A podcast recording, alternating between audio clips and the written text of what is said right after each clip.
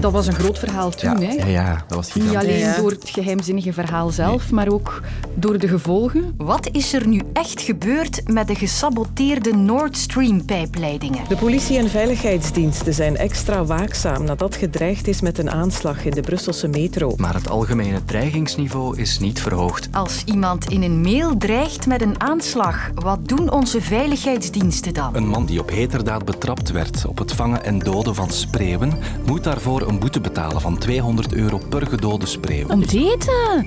Om te eten, Sophie. Wie Wacht. eet nu spreeuwen? En vogels vangen, gebeurt dat nog vaak? Ik ben Sophie van der Donkt. Welkom, ik vlieg erin voor een nieuw kwartier. Een verhaal uit september komt opnieuw bovendrijven. De sabotage aan Nord Stream 1 en 2. De pijpleidingen die Russisch gas via de Baltische Zee naar Europa voeren.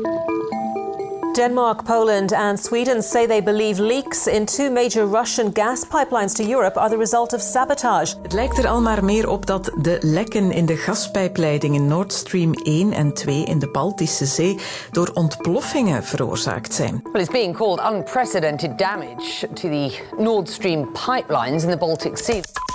Het resultaat van die sabotage? Problemen met de gastoevoer en opborrelend gas in de Baltische Zee. Maar tot op vandaag blijft de belangrijkste vraag onbeantwoord. Wie zit hierachter? Toen Lode het verhaal hier in het kwartier eind september vertelde, was de hoofdverdachte duidelijk. Het Westen vermoedt sabotage en wijst met een beschuldigende vinger naar Moskou. Rusland dus. Maar klopt dat wel? Want nieuwe informatie werpt misschien een heel ander licht op de zaak. Factchecker Rien Emery zet de hoofdverdachte op een rij. Scenario 1. Wat we eerst dachten. Het waren de Russen. Dus de westerse overheden, de Amerikanen, ja, wezen meteen met een beschuldigende vinger naar Rusland zelf. Waarom? Omdat er maar drie van de vier gaspijpleidingen opgeblazen waren. Dus eentje bleef nog in productie. Op dat moment liep er ook al geen gas meer door. Er waren geen leveringen meer. De Russen hadden een lange tijd gezegd van er zijn technische problemen. En dan worden drie van die vier leidingen opgeblazen. Eentje blijft nog eh, over. En dan is er het, eh, het, het aanbod van Poetin van ja, we kunnen nog altijd gas leveren via die ene lijn. Dus toen dacht men van mm, ja, nee, de Russen zitten hierachter. Er waren ook vragen bij van waarom zouden de Russen hun eigen peperdure gasleidingen opblazen. Maar allee, een motief was er wel, kon je wel verzinnen, ook voor Rusland als dader. Scenario 2. Het Westen zit hierachter. Daar zijn twee verschillende verhalen over gelanceerd de voorbije maanden. Eentje was gebaseerd op een zogenaamd sms'je dat Liz Truss, de premier van Groot-Brittannië, zou gestuurd hebben naar Anthony Blinken, de buitenlandminister van de Verenigde Staten. Een sms'je dat net na de ontploffingen zou verstuurd zijn en waarin stond It's done, het is gebeurd. Maar van dat sms'je is nooit enig bewijs opgedoken. Dat was echt een broodje aapverhaal op, op, op, sociale media. Maar het werd wel gretig opgepikt door de Russische propagandamachine, door hun eh, staatsmedia. Een tweede verhaal komt dan boven vorige maand wanneer eh, Seymour Hersh, de Amerikaanse onderzoeksjournalist, eh, met een lange staat van dienst, maar die de laatste jaren wat kwestieuzere verhalen publiceert, op basis van één anonieme bron beweert van nee, het waren de Amerikanen in een gemeenschappelijke operatie met Noorwegen. De, de- de Noorse luchtmacht en de Noorse marine hebben geholpen om Amerikaanse duikers te laten explosieven eh, aanbrengen op die gaspijpleiding. Een zeer gedetailleerd verhaal en daar zijn dan eh, internetonderzoekers opgesprongen en hebben ze gemerkt van ja, heel veel van die details die Hirsch vermeldt, kunnen gewoon niet. Het schip dat er gebruikt zou geweest zijn, kon dat niet geweest zijn. De vliegtuigen die zogezegd een sonarboei gedropt hadden om de ontploffingen te veroorzaken, kon er ook niet geweest zijn, et cetera. Dus daar waren ook al wel wat gaten in geschoten in die theorie van Seymour Hersh daarover. Scenario 3.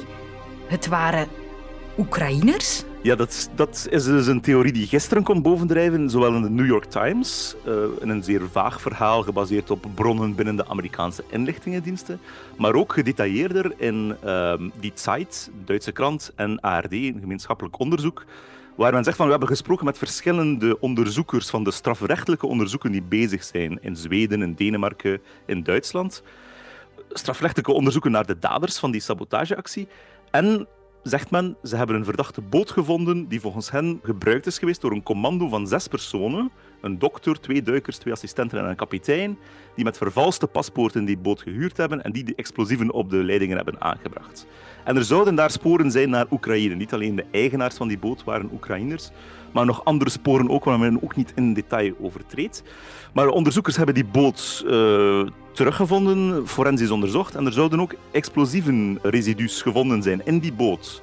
Dus dat is een redelijk gedetailleerd verhaal. En opnieuw nu, op het internet zijn internetonderzoekers daarmee begonnen met die details te checken. Videobeelden uit die, die haven waar ze vertrokken zouden zijn met die boot beginnen opvragen. Dus men gaat zeker nog onderzoek doen en ook deze theorie testen aan, uh, aan het bewijsmateriaal dat beschikbaar is. En ik had nog één vraag voor Rien. Welk scenario ligt nu voor hem het meest voor de hand? Elk scenario is plausibel op dit moment. Je kan nog geen enkel scenario uitsluiten. Het enige dat we, wat we nu al weten is dat bepaalde details in verhalen die al gelanceerd zijn, met zekerheid niet kunnen kloppen. Maar voor de rest wordt het echt afwachten tot de strafrechtelijke onderzoeken afgerond zijn en men uiteindelijk naar buiten komt met al het bewijsmateriaal van die onderzoeken. Er zijn van die werelden die voor veel mensen een mysterie blijven en waar je alleen maar kunt gissen wat er achter de schermen gebeurt. Daar moest ik vanmorgen aan denken toen ik door de nieuwsites scrolde.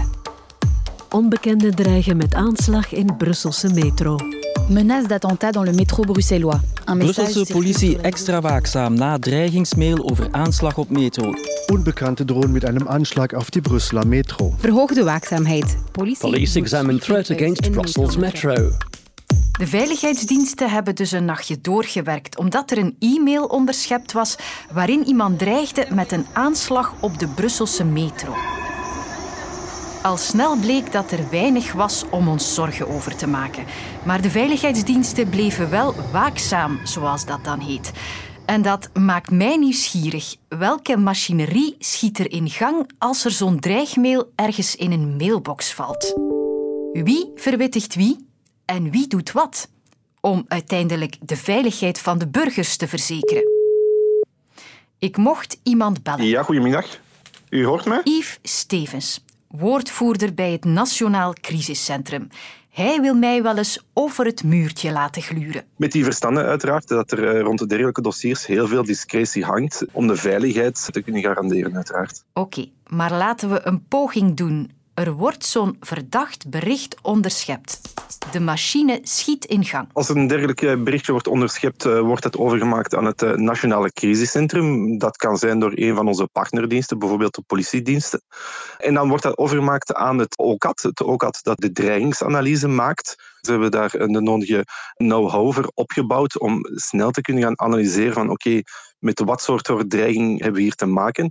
En op basis van die dreigingsanalyse is het aan het Nationaal Crisiscentrum om voorzorgsmaatregelen te nemen die dan worden uitgevoerd door onder andere de politiediensten. Het gebeurt uh, regelmatig, natuurlijk niet altijd met even grote omvang en ook niet altijd dat er maatregelen moeten genomen worden. Het uh, Nationaal Crisiscentrum heeft crisisinfrastructuur, waar we de, de partners, indien dat nodig is, kunnen verzamelen om te gaan coördineren. Dus we zetten letterlijk alle partners die betrokken zijn, denk dan aan de veiligheidsdiensten, de politiediensten, maar ook het politieke niveau, letterlijk rond de tafel om heel snel de nodige uh, beslissingen te kunnen nemen.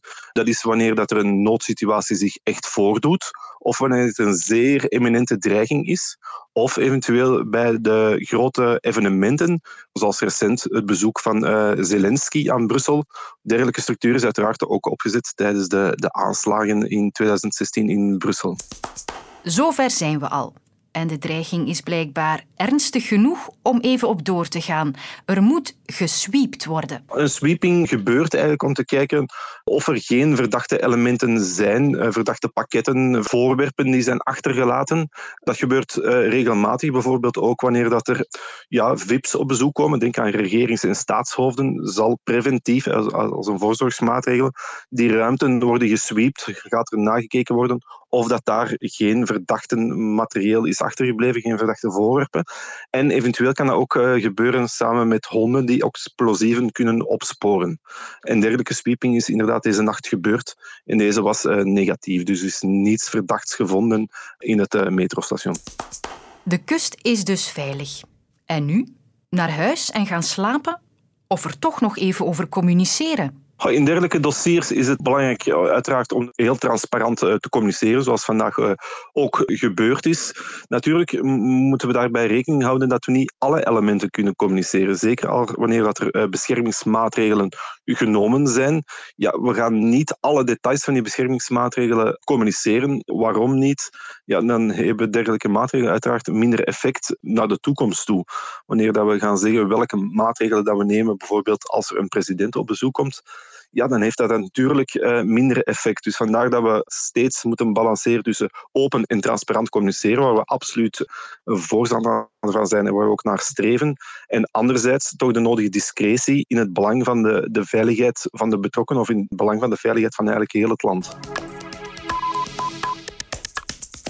Redacteur en vogelliefhebber Katrien Boon sloeg mij vanmorgen met verstomming. Nu is er in Maldegem een man betrapt met in zijn diepvriezer oh, nee. 77 spreeuwen. Ik weet niet of je een spreeuw kent. Nee. Zo'n ranke vogel? Dus het is een mooie ranke vogel, maar dat is zo groot. Ik bedoel, hoe weinig eten heb je aan zo'n spreeuw? Maar blijkbaar wordt dat Om dus... te eten? Om te eten, Sophie. Wacht. Kunt je dat eten, spreeuwen? Wacht.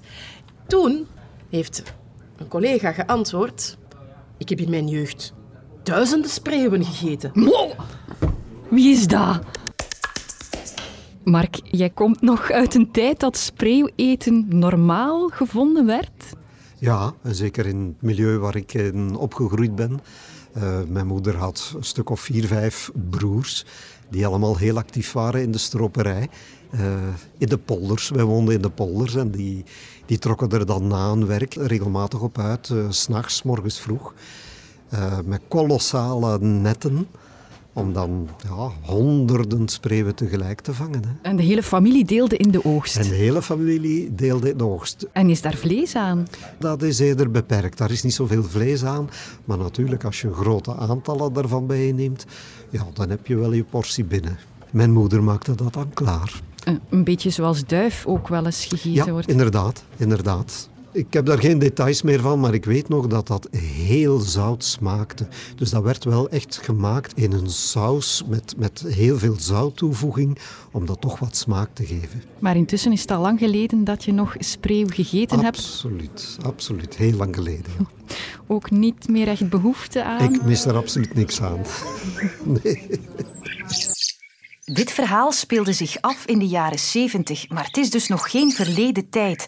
Want de spreeuwenvanger uit Maldegem, waar Katrien over sprak, is veroordeeld tot een boete van 15.000 euro en een werkstraf van 120 uur. Niet min. Maar die stroperij, gebeurt dat nog vaak? Goedemiddag, Sophie. Dat is herkenbaar, maar dat wordt nu nog toegepast op veel kleinere en meer obscuurdere schaal. Het antwoord kreeg ik van Niels Luiten van Vogelbescherming Vlaanderen. Dus de wetgeving in Vlaanderen is duidelijk. Alle inheemse broedvogels zijn beschermd. Illegaal vangen en doden mag niet. Helaas gebeurt dat inderdaad nog. En vooral dan in het zwarte circuit. Hè. Zwarte marktprijzen voor zo'n opgekuiste spreeuw voor consumptie gaan tot 1 euro.